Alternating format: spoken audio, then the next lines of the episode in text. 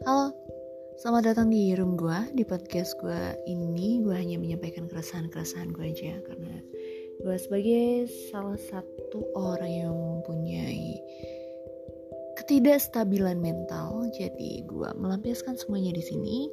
Semoga lo semua bisa mendengarkan dan mengambil yang baik Membuang yang buruk. Enjoy dan selamat menikmati podcast gue.